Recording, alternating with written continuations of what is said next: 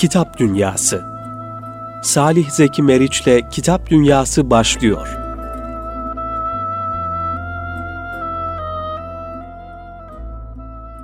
Erkam Radyo'nun kıymetli dinleyenleri, hepinizi bir Kitap Dünyası programından sevgiyle, muhabbetle selamlıyoruz efendim. Ee, kıymetli dinleyenler, bir Kitap Dünyası programıyla da tekrar birlikteyiz. Ee,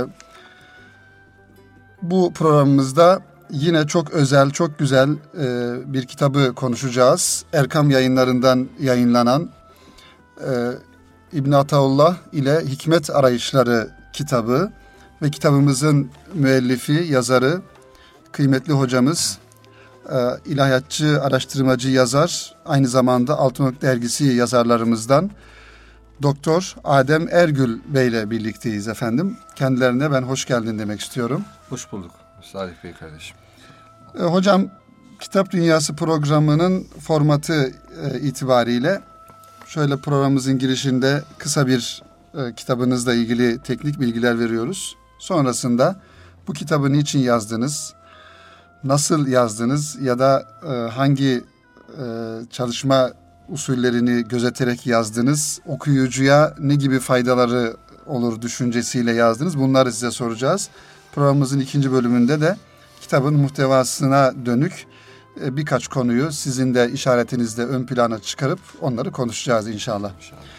Kıymetli dinleyenler, İbni Ataullah ile Hikmet Arayışları Erkam yayınlarından yayınlanmış bir kitap. 2012 yılında neşredilmiş. Kitabın arka kapak yazısı şu şekilde. Ben sizlerle bunu paylaşmak istiyorum öncelikle. Sonrasında da e, kıymetli hocamız Adem Ergül Bey ile konuşmamıza devam edeceğiz. Hikmet herkesin kolayca keşfedemeyeceği hakikatleri tutarsızlıktan uzak ve öz bir şekilde söz ve amellerle ifade edebilme nimetine mazhariyettir. Hikmet, ilahi bir nurla münevver olmuş bir kalbe ihsan edilen derin bir anlayış ve keskin bir ferasettir. Perdenin arkasını sezebilmektir.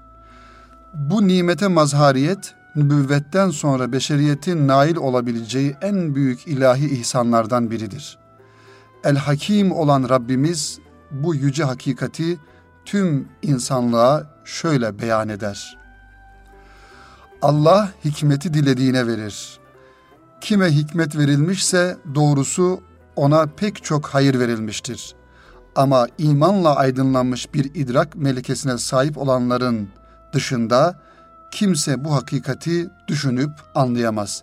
Bakara suresi 269. ayeti kerime. Kitabın arka kapak yazısı bu şekilde efendim.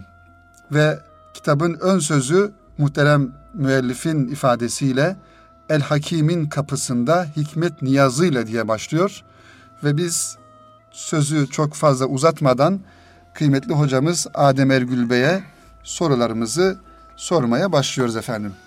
Hocam ilk önce e, dilerseniz kitabın e, size ilham olan, daha doğrusu kitabınızın muhtevasını oluşturan İbni Ataullah ile hikmet arayışlarının muhtevasını oluşturan İbni Ataullah el İskenderi hakkında kısa bir bilgi, malumat alalım.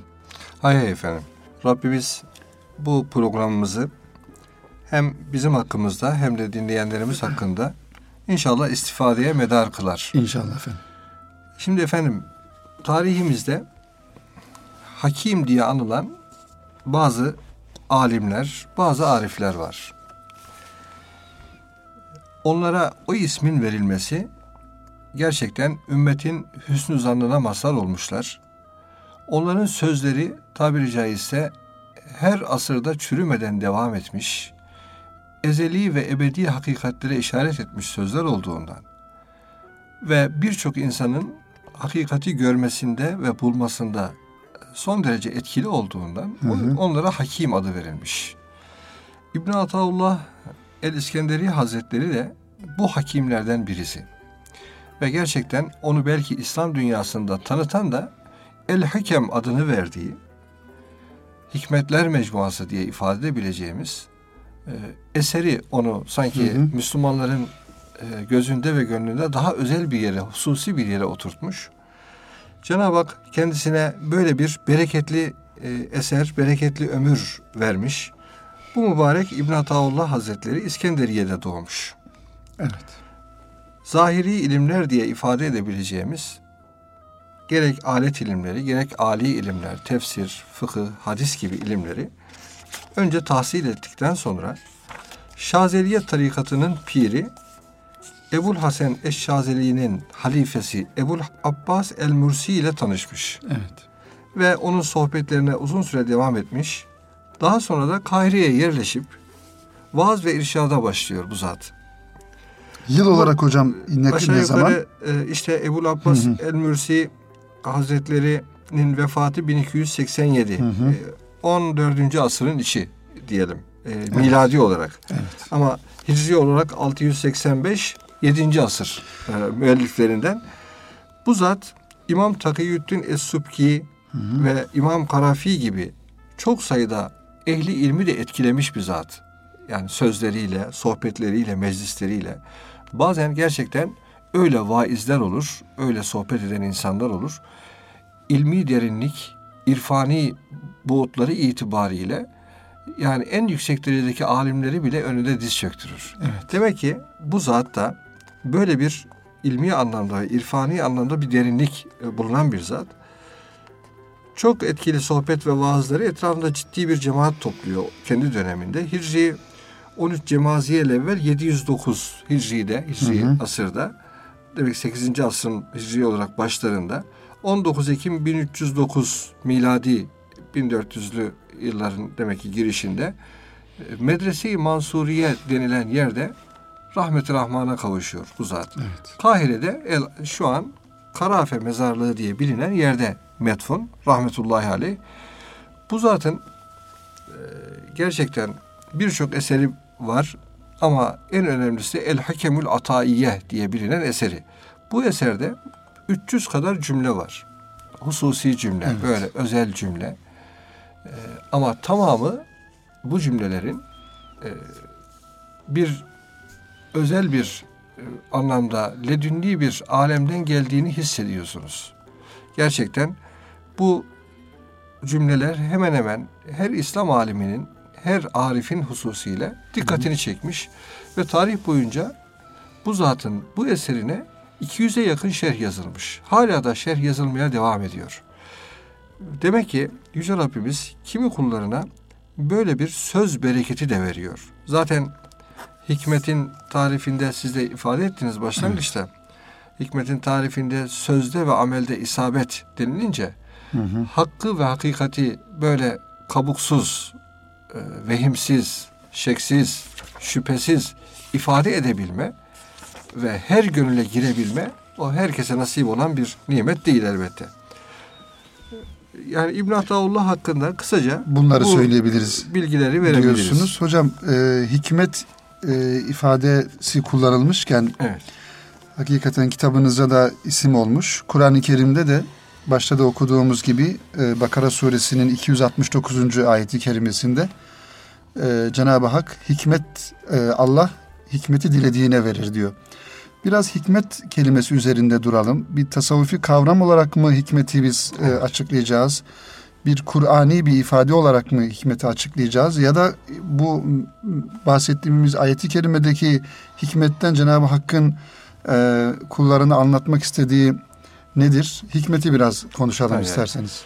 Şimdi efendim e, öncelikle hikmet bir Kur'an kavramı.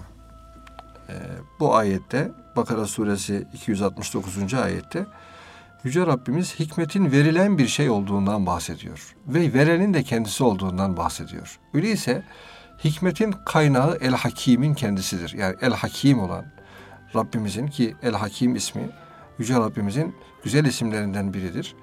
Ve mana itibariyle de baktığımız zaman müfessirlerimiz gerekse e, Esma-i Hüsna üzerine kitap yazan müelliflerimizin e, açıklamalarına göre El Hakim yaptığını sapa sağlam yapan, kusursuz yapan, muhkem yapan yani ve mutlaka birçok hikmetlere binaen iş yapan, boşuna iş yapmayan anlamına geliyor. Ve Rabbimizin bir vasfı da El Hakim olunca onun her söylediği, her mesajı, her yaptığı mutlaka bir hikmet oluyor. E, El Hakim şöyle diyelim. El Hakim'den sudur eden ortaya çıkan her şey bir kere hikmettir. Bu çerçevede Kur'an'ın tamamı hikmettir. Evet. Allah'tan gelen tüm vahiyler hikmettir. Hatta bazı alimler hikmeti nübüvvet olarak da anlamışlar. Hikmet nübüvvettir demişler. Peygamberliktir demişler. Çünkü Allah'tan gelen bilgi. Devam edelim. Evet. Ee, ve bazı alimler de hikmet Hazreti Peygamber'in sünnetidir demişler. Yani Kur'an'a Kur'an vahyidir derken Hazreti Peygamber'den sudur eden, ortaya çıkan mübarek femi saadetlerinden dökülen e, o cümlelere de hikmet demişler. Zira Hazreti Peygamber de hiçbir zaman hevasından konuşmadığından, Evet. kendi arzuları keyfince konuşmadığından Resulullah Aleyhisselatü Vesselam onun sözlerine hikmet demişler. Mesela İmam Şafii rahmetullahi aleyh hikmeti Hazreti Peygamber'in sözü olarak e, açıklar. Ayrıca ama bunları bu şekilde tahsis etmek, sınırlandırmaktan ziyade bazı alimlerimiz de demişlerdir ki hikmet sözde ve işte isabet kaydetmektir. Yani doğruyu bulmaktır. Buradan şunu anlıyoruz. Sözün içinde e, hakikate aykırı, batıl hiçbir şey bulunmayacak bir. İkincisi şüphe götürmez bir gerçeklik ifade edecek söz. Üçüncüsü lüzumsuz uzatmalar olmayacak. Öz olacak. Hakikate doğrudan işaret edecek. Ee, ve ya- söz söylendikten sonra o söz hakikat olduğundan hakikat hiçbir zaman mağlup olmayacağından daima hükmedici bir özelliği olacak. Hükmedici özellik derken burada İbn Arabi'nin çok güzel bir tespiti var. Der ki Arapçada hüküm kelimesiyle hikmet kelimesi aynı köktendir. Evet. Hüküm de hükmetmek demektir. E, Hükmetmek demektir. Bakınız isterseniz onun kendi ifadeleriyle okuyalım. Buyurun, Ee, hikmet kelimesi diyor. Arapçada hüküm kökünden gelir. Bu durum hikmetin hikmetin hükmedici bir özelliğinin olduğuna da bir işarettir. Ee, İbn Arabi e, devamla bu bilgiyi hikmet adını alacak şekilde özel kılan ondaki yönlendirici ve hükmedici özelliktir. Gerçek anlamda hakim yani hikmet ehli hikmetin bilgisine sahip olmakla kalmayıp bu bilgiyi kullanan, uygulayan ve onunla hükmeden kimsedir. Hikmet eşyanın değişmeyen esaslarının yahut bu esaslara dayalı ezeli nizamın ihsan edilmiş bilgisidir. Yani bir anlamda şöyle diyor. Sünnetullah bilgisidir diyor. Bu sünnetullah madde aleminde ayrı hakikatler ifade eder. Sosyal alemde ayrı hakikatler ifade eder. Psikolojik alemde ayrı hakikatler ifade eder. Hemen hemen bu hakikatlerin e, hepsine işaret eden her şeye de bu anlamda hikmet denilebilir. Hakim eşyanın düzen ve işleyişinin hikmete uygun düştüğünü yani her şeyin bulunması gereken çizgiyi takip ettiğini bilir. Bunun sonucu olarak da rıza ahlakını yani Cenab-ı Hakk'ın her yaptığından razı olma ahlakını ve bu ahlaktan kaynaklanan faziletleri e, kuşanır. Yani İbn Arabi Hazretleri'nin hikmette hükmedici özellik vardır. Tespiti de son derece önemli bir tespittir. Şöyle söyleyelim. Hikmet kim tarafından söylenirse söylensin duyulduğu takdirde karşı konulmaz bir kabulle karşılaşır. Öyle söyleyelim. Hikmeti duyduğunuz anda yüreğinize oturur. Hikmeti duyduğunuz anda mantık çalıştırıp onun aksine iddia edebilecek mecal kalmaz sizde. Zaten e, arifler e, derler ki kalbe birçok havatır gelir. Şeytanın havatırı, nefsin havatırı, çevrenin havatırı dediğimiz düşünceleri gelir, vesveseleri gelir. Bir de haktan gelir derler. Haktan hatır gelir. Buna hatır hak denir. Hatır hak kalbe geldiği zaman kalpte aksini düşünme mecali kalmaz. Ha, öyleyse hikmet şöyle diyeceğiz. Haktan geldiği için olduğu gibi hakikat olan ve adeta gönülleri ve zihinleri kendine rağmeden, kendine bağlayan ve kendine esir eden bir öz cümledir. Evet. Bir öz fiildir. İdrak denile- İdraktir. denilebilir. İdraktir tabii. Yani idrakin sözü söz kalıplarına dökülmüşü ya da fiil kalıplarına dökülmüşüdür. Dökülmüş. Ama o idrak kendi aziyetimizle ulaştığımız sonuç değil, Hakk'ın verdiği bilgi ve irfanla ve nurla kavranılmış idraktır. Dolayısıyla münevver kalbin yani nurlanmış kalbin ve aklın diğer bir ifadeyle aklı selimin ve kalbi selimin o arı duru oluşuna ilahi ihsan olarak inen e, hakikatlerdir hikmet. E, hocam biraz önce hikmetin yine tarifinin içerisinde bazı alimlerin nübüvvet e, olduğunu hani hikmetin Peygamberlik nübüvvet olduğunu. peygamberlik olduğunu ifade ettiniz. E, Kur'an-ı Kerim'de de bu manada bir ayet-i kerime Efendimiz için hani biz sana hikmeti verdik. E, Yani Lokman'a hikmeti verdik diye var. Ve ateyna Lokmanel hikmete. işte o da aynı hikmet Evet. herhalde değil mi? Yani Tabii ya şöyle dikkat ederseniz mesela bizim İslam alimleri Lokman'a böyle ve ateyna Lokmanel hikmete ayeti var olmasına rağmen ona peygamber denip denmesi konusunda ihtilaf vardır. evet. O Lokman-ı Hakim diye bilinir. Yoksa bir nebi, bir resul olarak bilinmez. Ee, onun için e, elbette peygamberlere vahyedi. Her peygamber hakimdir. Bunu e, tartışmak e, abestir. Evet. Yani her peygambere indirilen hikmetin ta kendisidir. Ama hikmet sadece vahiy midir? Aslına bakarsanız hikmet sadece vahiydir ama biz burada e, bir vahyin şer'i bir şeriat ortaya koyan cinsi var. Buna e, kurumsal vahiy deniyor ya da nebevi vahiy deniyor. Bu peygamberlik oluşturan vahiy. Bir de peygamberlik oluşturmadığı halde doğrudan Cenab-ı Hakk'ın kulunun gönlüne indirdiği hikmet vahiy vardır ki biz ona aslında karışıklık olmasın diye İslam alimleri ilham adını verirler. Evet. Ama ha- ilhamın iki çeşidi vardır. Bir melek meleğin fısıltısına da gönlüne verdiği e, bilgilere de ilham denir ama hakkın doğrudan kalbe indirdiği bilgilere de ilham denir. Bu çerçevede peygamberlik vahiy olmayan diğer vahiy çeşidine hikmet diyoruz esas. Hocam şöyle bir şey aklıma geldi. Yani bu kıvamda olabilme gayreti olması gerekiyor değil mi insanda?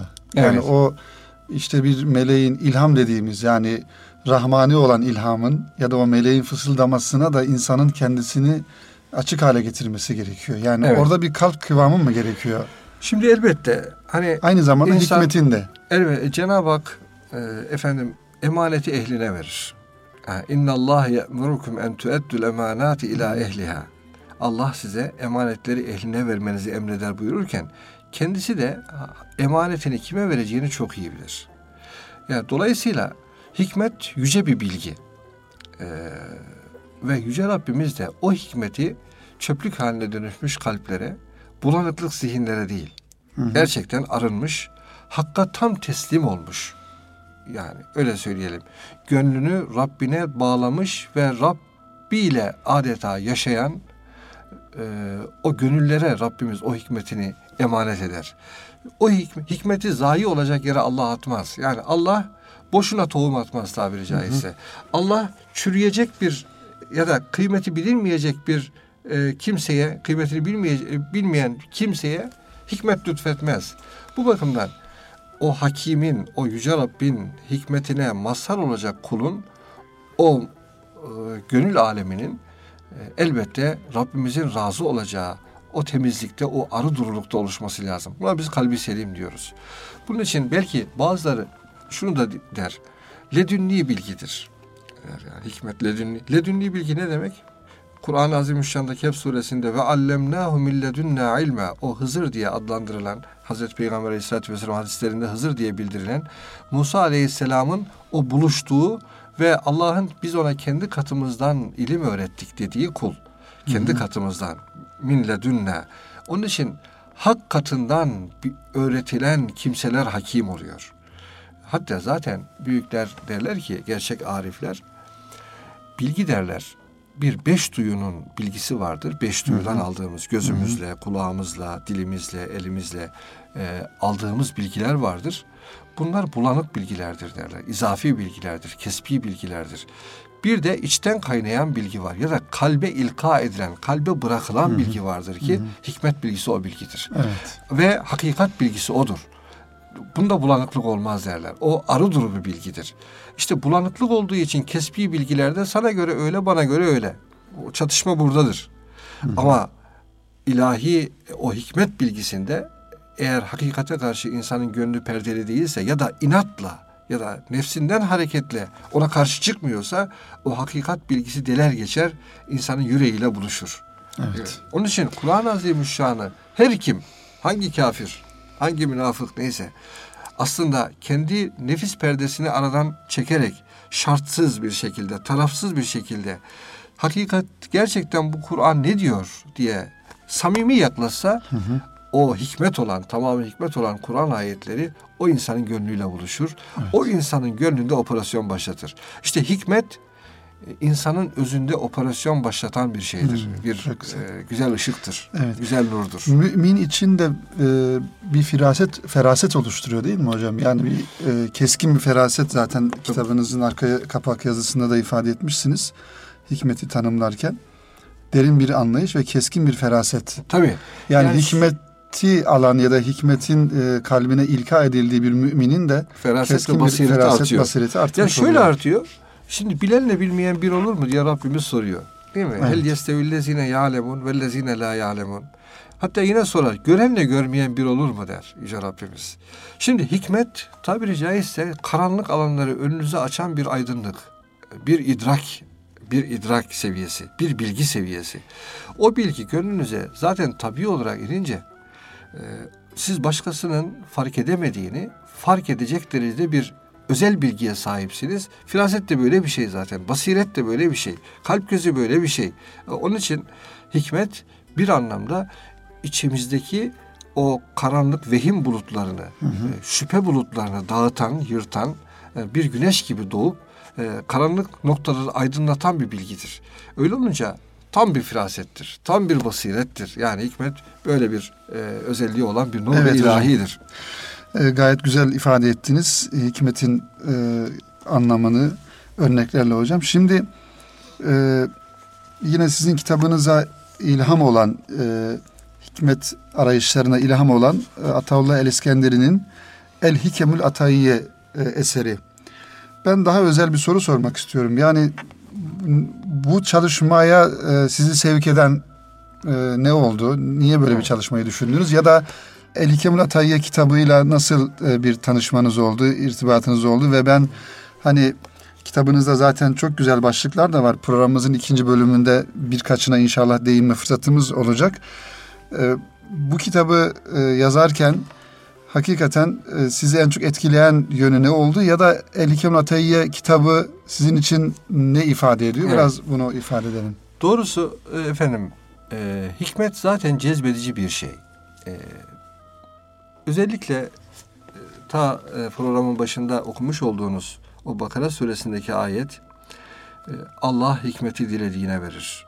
Kime hikmet verilmişse ona çok büyük hayır verilmiştir. Ayeti fakir biraz tefsir alanıyla ilgilendim. E, ya da branşımız diyelim, ihtisasımız o, o alana doğru yönlendirdik. Rabbimiz nasibimizi e, artırır inşallah. İnşallah. E, çünkü bitmeyen bir hazine Kur'an-ı Azimüşşan. Orada tabi insanın peygamber olma şansı yok tabiri caizse. Yok. E, çünkü o nübüvvet Allah'ın özel hususi seçtiği kullarına e, özel olarak lütfettiği bir nimeti uzma. Ancak burada hani ben peygamberlere hikmeti veririm demiyor Yüce Rabbimiz. Hı hı. Allah dilediğine hikmeti verir ya da şöyle de açı- ayet şöyle de mana verilebiliyor. Dileyene hikmeti verir. Evet, Allah evet. dileyene, isteyene hikmeti İsteyene verir. verir. O zaman hikmet aranılacak bir şey. Aranması gereken bir şey. Hikmetin peşine düşmek lazım. Onun için ben kitabın ismini Hikmet Arayışları dedim. Hatta e, İbn Ataullah'ın izinde böyle e, onunla beraber adım adım hikmete doğru e, bir arayış e, ismini verdim. Ve e, ön sözde de siz onu ifade ettiniz. E, El Hakim'in kapısında hikmet niyazıyla dedim. Çünkü hikmet kendi istidadınızla, kendi iktidarınızla, kendi imkanınızla bulabileceğiniz bir şey de değil. O niyaz edeceğiniz bir şey. Rab'den niyaz edeceğiniz bir şey. Çünkü ondan dökülecek kalbinize. Belki siz o kalbi daha hazır hale getirme anlamında bir cehdin içinde soyunabilirsiniz. O cehd olursa Yüce Rabbimiz elinizden de tutar. Ama hikmeti ararsan da bulursun. Biiznillahü Teala. Neden? Çünkü hani derler ya her arayan bulamamış ama e, bulanlar genelde arayanlardır. Arayanlardır. Bu arayışın içine düşmek önemli. Bu ayette doğrusu benim dikkatimi çekti. Yani nerede bir hakim ismi görsem, nerede bir hikmetli söz görsem, işte kalemle not almaya çalıştım.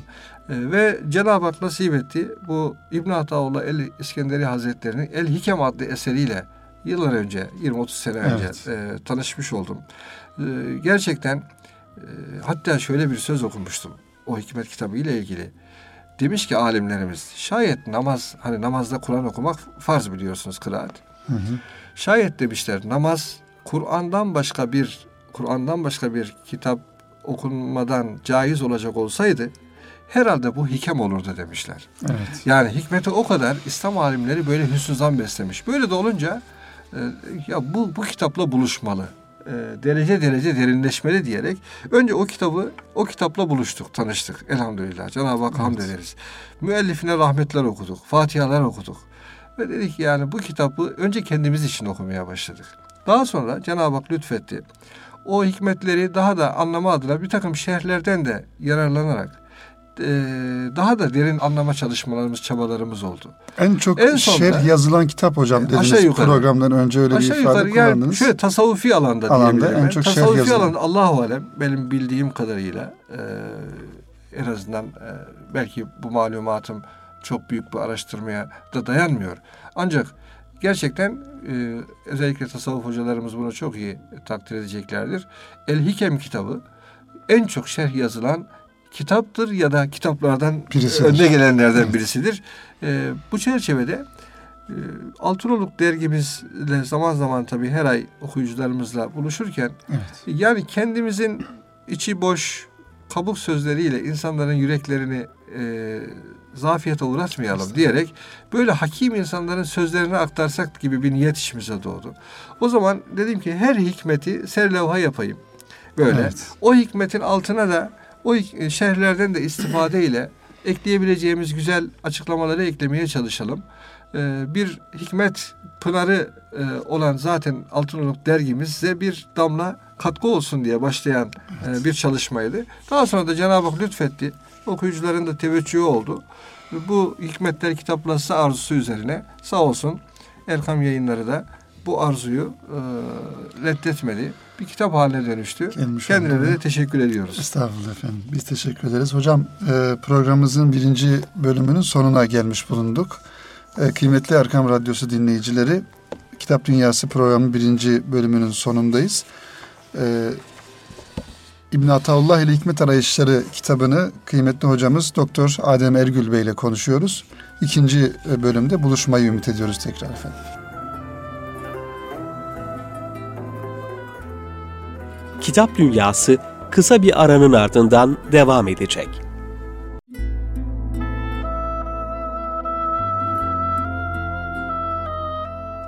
Erkam Radyo'da Salih Zeki Meriç'le Kitap Dünyası devam ediyor.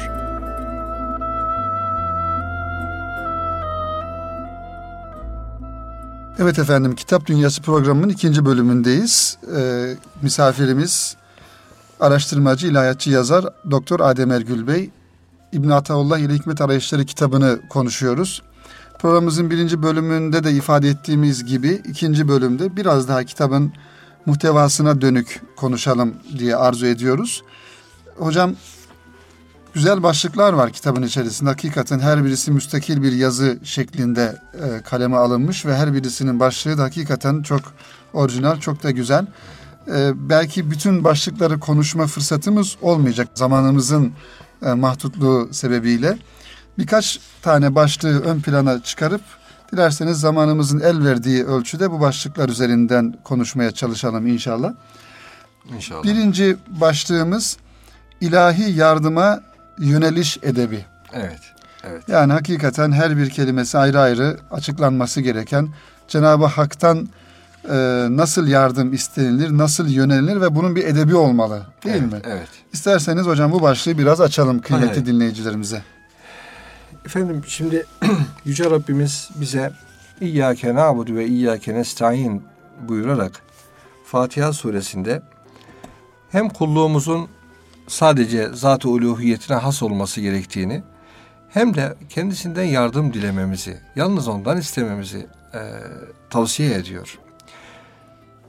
Her dua müstecap olur ama işte e, müstecap olacak duayı yakalamak. Yani Cenab-ı Hakk'a ona göre yönelebilmek. Ya da şöyle söyleyelim. ilahi yardımı üzerimize celbedecek niyaz nasıl bir niyazdır?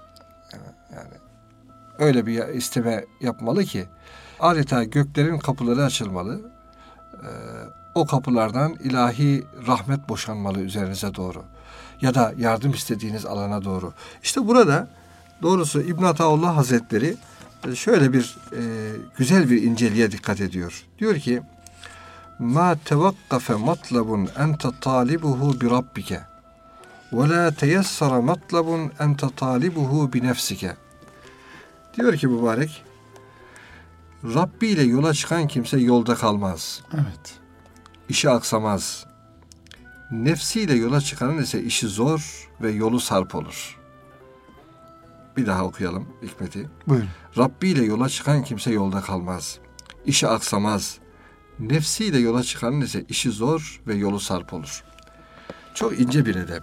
Ee, yani şöyle, eğer diyor sen kendine güvenerek, kendi gücüne, kudretine, imkanına, fırsatlarına, etrafındaki fani yardımcılarına güvenerek yola çıkarsan arkadaş yolda kalırsın, işin zorlaşır.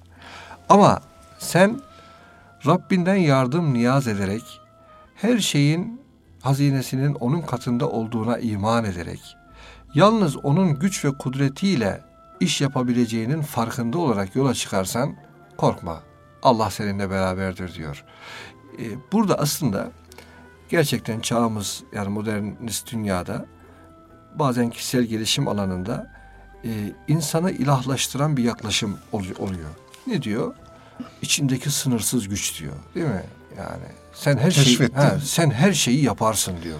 Evet. İçindeki devi uyandır diyor.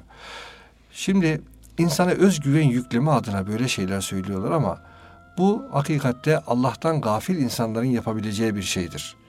Fakat Allah'ın varlığını, birliğini, onun her şeye kadir olduğunu, onun izni olmadan bir yaprak bile kımıldamayacağını bilen bir müminin böyle hareket etmesi tam bir gaflettir.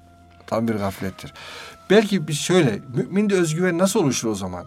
Bazıları şunu tenkit ediyor. Kardeşim ben aciz, ben fakir, işte elimizde e, bir şey yok. Her şey ondan. Hı hı. E, de insanı miskin yapar, çaresiz yapar e, gibi düşünüyor. Halbuki o da yanlış bir düşünce. Şöyle bakmalı bir mümin. İşte İbn Ataullah onu veriyor.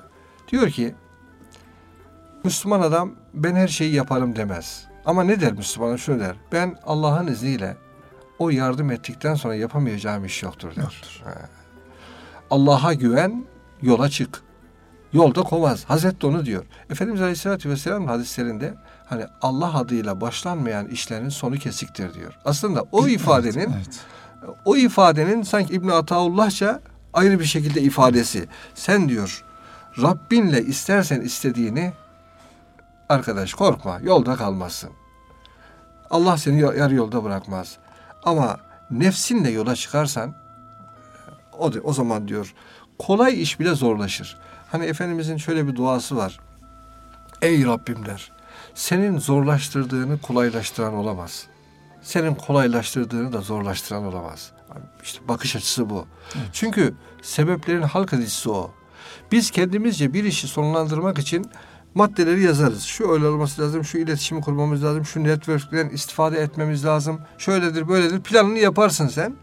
Fakat onların hepsi fanidir. Dolayısıyla ummadığın şekilde kapılar yüzüne kapanabilir. Halbuki bütün kapıları açacak olan Mevla eğer senin işini kolaylaştıracak olursa hani denir ya İza eradallahu şeyen heyye esbabehu Allah bir şeyin olmasını murad etti ve sebeplerini hazırlayıverir. Evet, evet. Kuluna kolaylaştırır. İşte Müslüman diyor, mümin adam bu irfani noktaya dikkat et. Ya bu, bu son derece önemlidir. Hatta şöyle bakınız hikmetin devamı. Nihayette başarılı olmanın alameti başlangıçta Allah'a yönelmektir. Bir işin diyor sonunda başarılı olup olmayacağını belirleyen esas senin o işin başında Allah'la beraber olup olmadığın ya da Allah'ın izniyle ve yardımıyla diye işe girip girmediğinde doğru orantılıdır. Bu kafir insanda böyle tecelli etmeyebilir onu söyleyeyim. Zaten hocam He. sözünü unutmayın. Genellikle bunu evet. siz ifade ederken kıyas yapılabilir. Hani Tabii. iyi de kafirlerde niye Heh, böyle tabii, olmuyor? Tabii. Kafirler başarıya ulaşıyorlar. istediklerini evet. yapıyorlar. Şöyle efendim gerçekten ilahi sünnetullah yani Cenab-ı Hakk'ın sünneti e, kendinin farkında olmayan, tamamen kendisini yok farz eden kullarını kendi halleriyle baş başa bırakıyor Yüce Rabbimiz. Hesap öbür tarafta ha, öyle mi? Tabii. Hem hesabı öbür tarafta hem de ona öyle tecelli etmiyor. Fakat bir mümin Allah'ın varlığına ve onun her şeye kadir olduğuna iman ettiği halde onun, onun bu gücünü, kudretini kabul ettiği halde ona aykırı hareket ederse yerine getirmiyor. Bunun çok canlı bir Hmm, misali var. doğru. Hani Efendimiz size bir soru, soru soruyor. Mekke müşrikleri geliyorlar. İşte ruh nedir diyorlar. Zülkarneyn kıssasından bize haber ver. Musa Hızır kıssasından haber ver. Efendimiz buyuruyor ki yarın gelin söyleyeyim diyor. O anda işte inşallah demiyor. Demiyor. Ee, Allah dilerse, Allah yardım eder inşallah Allah'ın izniyle yarın demediği için o anda Efendimiz gecikiyor biliyor musunuz? Bir rivayete göre 15 gün gecikiyor, bir rivayete göre 3 ay gecikiyor ve Efendimiz çok daralıyor. Sonra ayet iniyor. Ve la tekulenne li şeyin inni fa'ilun zalike gaden illa en yeşallah. Allah'ın dilemesini göz ardı ederek, Allah'ın gücü kudretini göz ardı ederek, onun iznini göz ardı ederek sakın ola ki diyor ey Nebi Ekrem şu işi yarın yaparım deme. Evet hocam. Şimdi demek ki şu, burada bir örnek vereceğim kısaca. Mesela şöyle düşünün. 5 yaşındaki bir çocuk efendim bilmediği bir konuda bilmediği bir konuda yanlış yaptığı zaman onu mazur görürsünüz. Ama daha önce onun eğitimini almış ya da siz ona söylemişsiniz defalarca bir konuda uyarmışsınız. 20 yaşındaki kızınız ya da oğlunuz bir yanlış yapacak olsa ona farklı davranırsınız. İşte kalbi imanla buluşan, Allah'ın marifetine az ya da çok sahip olan, Allah'ı tanıyan bir kul, eğer Allah'ın o vasfını bildiği halde bile bile Allah'ı görmezden gelerek bir takım işlere onun izni ve yardımını dilemeden başlayacak olursa Cenab-ı Hak onu sevdiği için de Evet. tabiri caizse burnunu sürter, onun işini zorlaştırır e, ve e, başarılı olamaz. Bunun için Efendimiz Aleyhisselatü Vesselam'ın hakikaten hayırlı olan her işte, mübah olan her işte besmele ile başlanması aslında Hazretin bu hikmetinde ifade ettiği manadır. Besmele ile başlamak. Yani Allah'ın yardımını talep ederek işe başlamak sonuçta diyor o işte başarılı olmanın alametidir. Hocam edep e, edepten bahsediyoruz hani Evet. ya yardıma yöneliş edebi. Toplumumuzda şöyle bir e, zaman zaman bunu duyuyoruz. Üzüntü verici gerçi ama hani mesela biriyle konuşurken ya inşallah yapacağız deyince Allah muhafaza karşıdaki insan belki çok e, farkında olmadan ya inşallahla maşallahla bu işler olmaz Olmaz. Diye ifadeler kullanılıyor. Demek ki bu yani biraz önce ifade ettiğiniz Efendimizin uyarılış sebebi inşallah dememesi. Tabii tabii. Ya bir müminin de inşallah demesi ifade ettiğiniz gibi Cenab-ı Hakk'a güvenmesi. Bunun karşılığında ya bu iş bununla olmaz demesi de Evet. çok çok sakıncalı bir ifade. Çok sakıncalı bir ifade. Yani inşallahla maşallahla olmaz demek aslında onu hakikaten hele hele manasını biliyorsa okul onu söylerken Allah muhafaza buyursun elfazı küfürdür. Allah korusun. Yani insanı inkara götürüverir.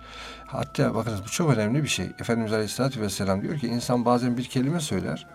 Bunu da diyor çok önemsemez. Ama diyor o kelime onu alır cehenneme sürükleyiverir. Bu bakımdan dikkatli olmalı.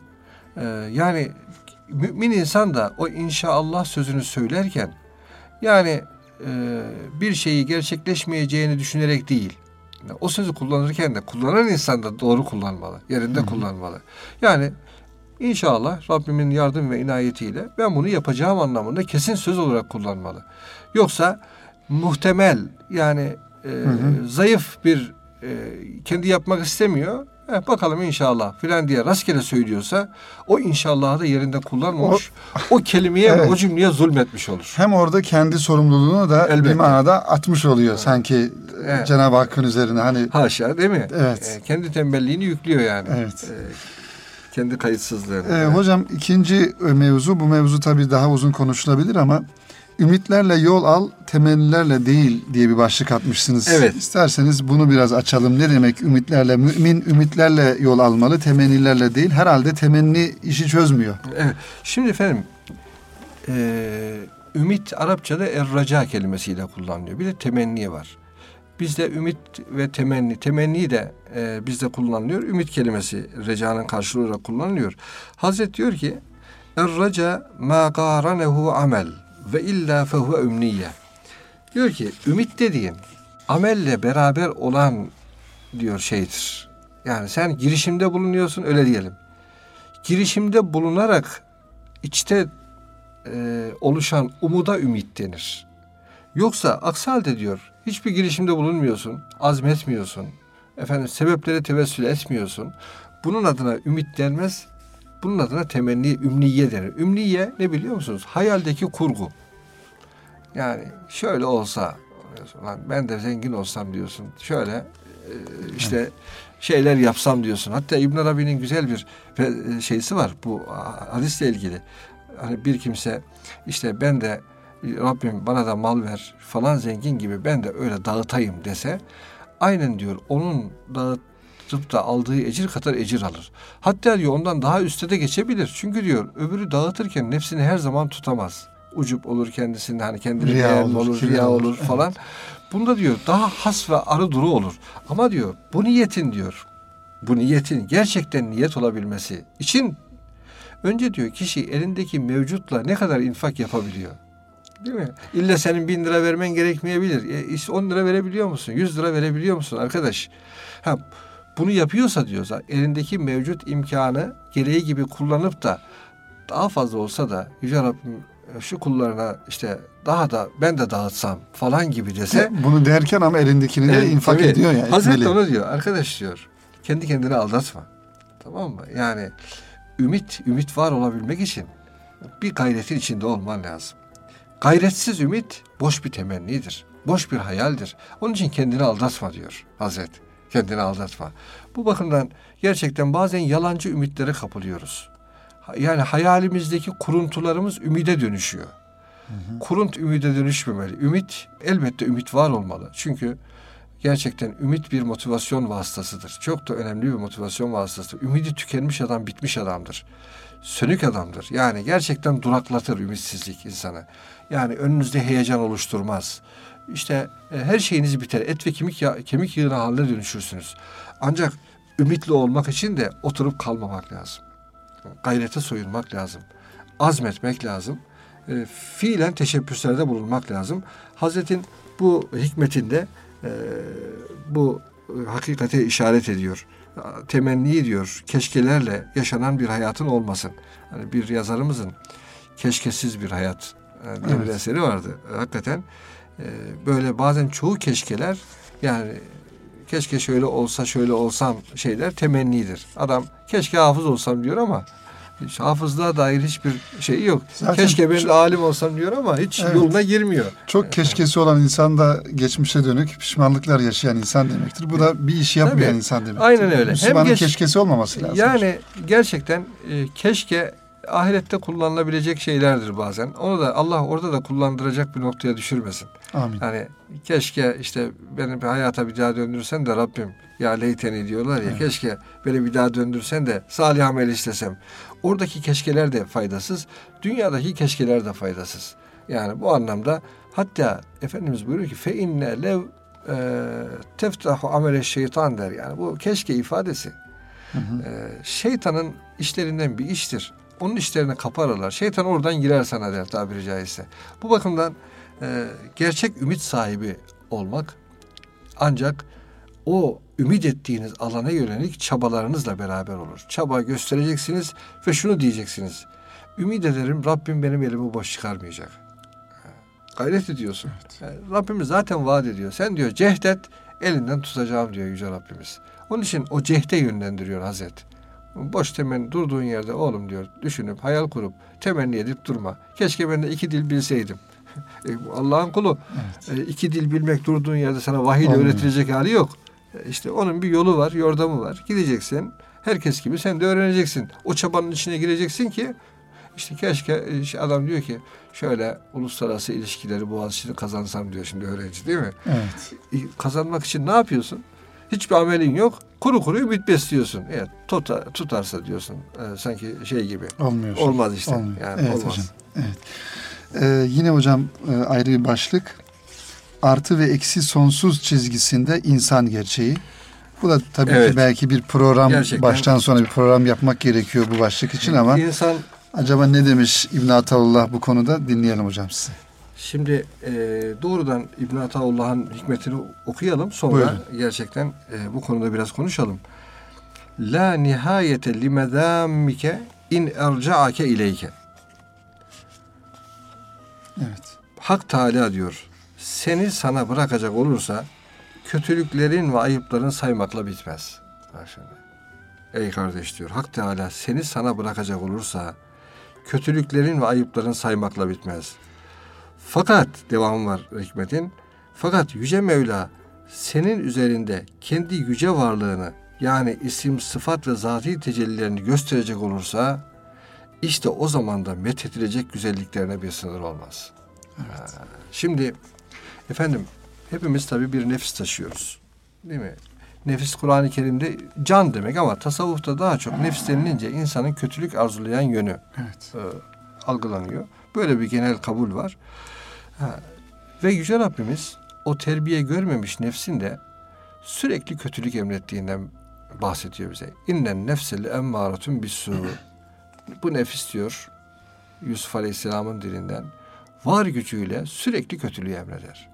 Öyle olunca Efendimiz Aleyhisselatü Vesselam buyuruyor yani Ya Rabbi beni bir an benimle nefsimle baş başa bırakma. Niye? Eğer nefsimle baş başa kalırsam onun bana yaptıracağı belli. Kötülük yaptıracak e, diyor. Çünkü sürekli vesvese veren bir iç düşmanımız. Tabiri caizse. Hazreti diyor ki arkadaş eğer diyor nefsinle baş başa kalırsan yani bu nefsi tezkiye etmeyecek olursan Rabbin imdadı ve rahmeti sana erişmeyecek olursa o zaman say sayabildiğin kadar nefsin kötülüklerini.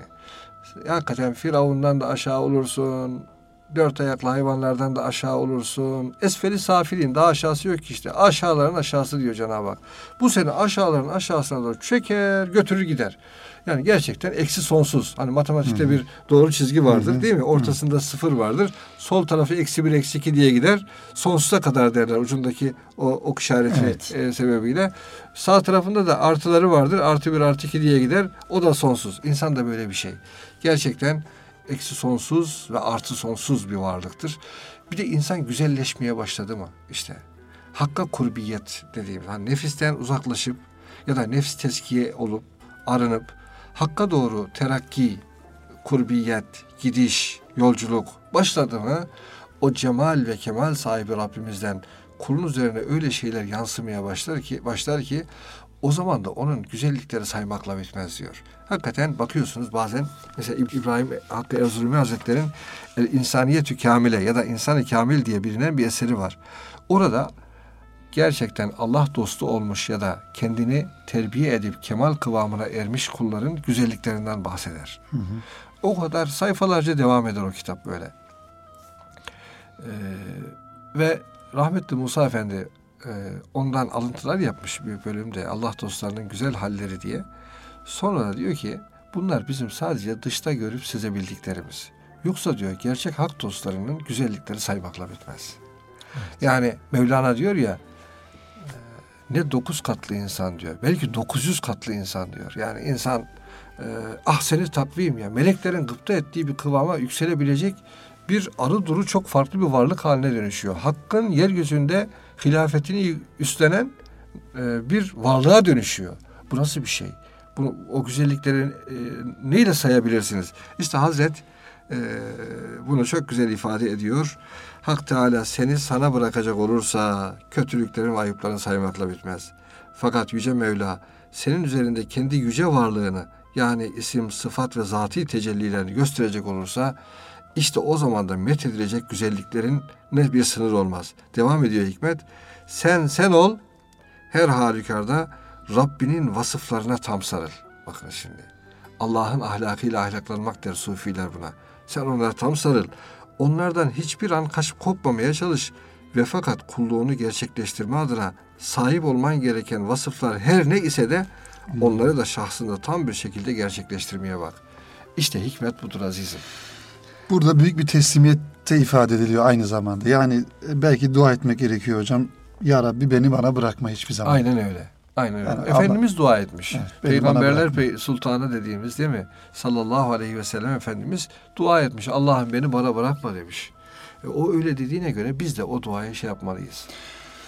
Evet hocam programımızın Sarılmayız. sonuna doğru yaklaşıyoruz. Ee, son olarak kıymetli dinleyicilerimize bu güzel kitabı nasıl okumalarını tavsiye edersiniz? Evet. Yani aileleriyle birlikte mi okumalarını zira burada her bir e, hikmet, e, her bir söz ayrı bir başlık altında e, ifade edilmiş. Sizlerin de baş, paylaştığı gibi bizimle. Bunların Arapçaları da var. Altında mealleri var kısa ve daha sonra açıklamalar var. Yani ben doğrusu Daha çok e, en, en iyi istifade evet. nasıl olur hocam bu kitaptan bunu ifade en iyi istifade önce niyetle başlıyor. Ben onun için ön söze El Hakim'in kapısında hikmet niyazıyla diye. Biz de aynı niyazda okuyacağız Ben o de zaman bunu. evet şöyle girse mesela bir insan Ya Rabbi e, sen hikmeti dilediğin kullara veriyorsun. Dileyen kullara veriyorsun. Ben de zat-ı uluhiyetinin şu yeryüzünde ihsan ettiği, kullarına ihsan ettiği hikmetlerle buluşmak istiyorum. Gönlümü buluşturmak istiyorum. Bu kitabı hakkımda hayırlı eyle. Hikmetlerle buluşmama vesile eyle. O büyük kapının açılmasına vesile eyle diye öyle güzel bir niyetle e, yaklaşmalarını temenni ederim. Çünkü bu bizim e, sözlerimizden ziyade Hazret'in o sözlerine böyle bir hüsnü zanla yaklaşılsa e, iyi olur diye ümit ediyorum. Bazen de e, bir fert olarak okumak var. Güzel, altını çize çize, güzel bir niyetle. İkincisi gerçekten toplulukla okumak var. Bu bir sohbet toplumu olabilir. E, Üç beş arkadaşlar beraber olabilir. Nitekim bazı arkadaşlardan geri dönüş alıyorum. Böyle e, her sohbette bir hikmet okuyarak kendileri de kendi Kaç müktesip- hikmet aldınız hocam? kitabın- aşağı yukarı 50'ye yakın 50'ye hikmet yakın. var ama 35 kadar başlık altında Evet e, ama toplamış. üstadın kitabında 300 hikmet var. Tabii. Ee, inşa- Ben çok e, özet almış oldum çünkü Hı hı. öyle hikmetler var ki Hazret'in e, çok belki bugünkü irfan seviyemiz o derece yüksek olmadığından biz anlamakta zorlanıyoruz. Bir de anlatmak ve muhataplarımızın e, ondan istifade anlamında faydalanması bakımından e, yüksek perdeli hikmetler. Evet. Onun için ben e, doğrusu az çok bu hikmete hikmetlere e, istekli olan okuyucularımıza şunu derim. Bir hoca efendi bulsunlar. İnşallah. Özellikle Arapçası da güzel olan, irfani boyutu da olan bir hoca efendi bulsunlar. Onunla hikmet hikmet gitsinler. Yani 300 adım gitsinler. Evet. Ee, çok önemli bir kapının açılacağına inanıyorum. Ee, İnşallah efendim o hakikaten toplu okumalarda da Allah'ın ayrı bir sekinesi ve rahmeti indiğinden çok ayrı gönüllerde farklı bereketler zuhur ediyor. Belki okuyucunun gönlüne farklı yeni manalar zuhur ediyor. Dinleyenlerde çok daha farklı hayal aleminde, düşünce, tefekkür aleminde bilgi birikimine göre farklı ufuklar açabiliyor. O toplu okumalarda da ayrı bir e, tadı var bunun. Onun için e, Rabbimiz inşallah e, istifadeye İnşallah. vesile kılar efendim. hepimizi. İnşallah hocam. Bizlere de dua etsinler. İnşallah. Eksiklerimiz elbette vardır. Yanlış anlamalarımız, e, eksik anlamalarımız söz konusu olmuştur. Onlar da bize dönerse yeni baskılarda onları dikkate alırız inşallah. İnşallah. İnşallah hocam. Çok teşekkür ediyoruz. Biz, Bizleri biz kırmayıp teşekkür ederiz efendim. Çok buraya kadar geldiğiniz için ve paylaşımlarınızdan dolayı. Efendim Kitap Dünyası programının sonuna gelmiş bulunuyoruz. İlahiyatçı, araştırmacı, yazar Doktor Adem Ergül hocamızla beraberdik. İbn Ataullah ile Hikmet Arayışları kitabını konuştuk. Ee, inşallah faydalı olmuştur ümidimiz. Bir e, başka Kitap Dünyası programıyla tekrar buluşmayı ümit ediyoruz. Hepinize Allah'a emanet ediyoruz efendim.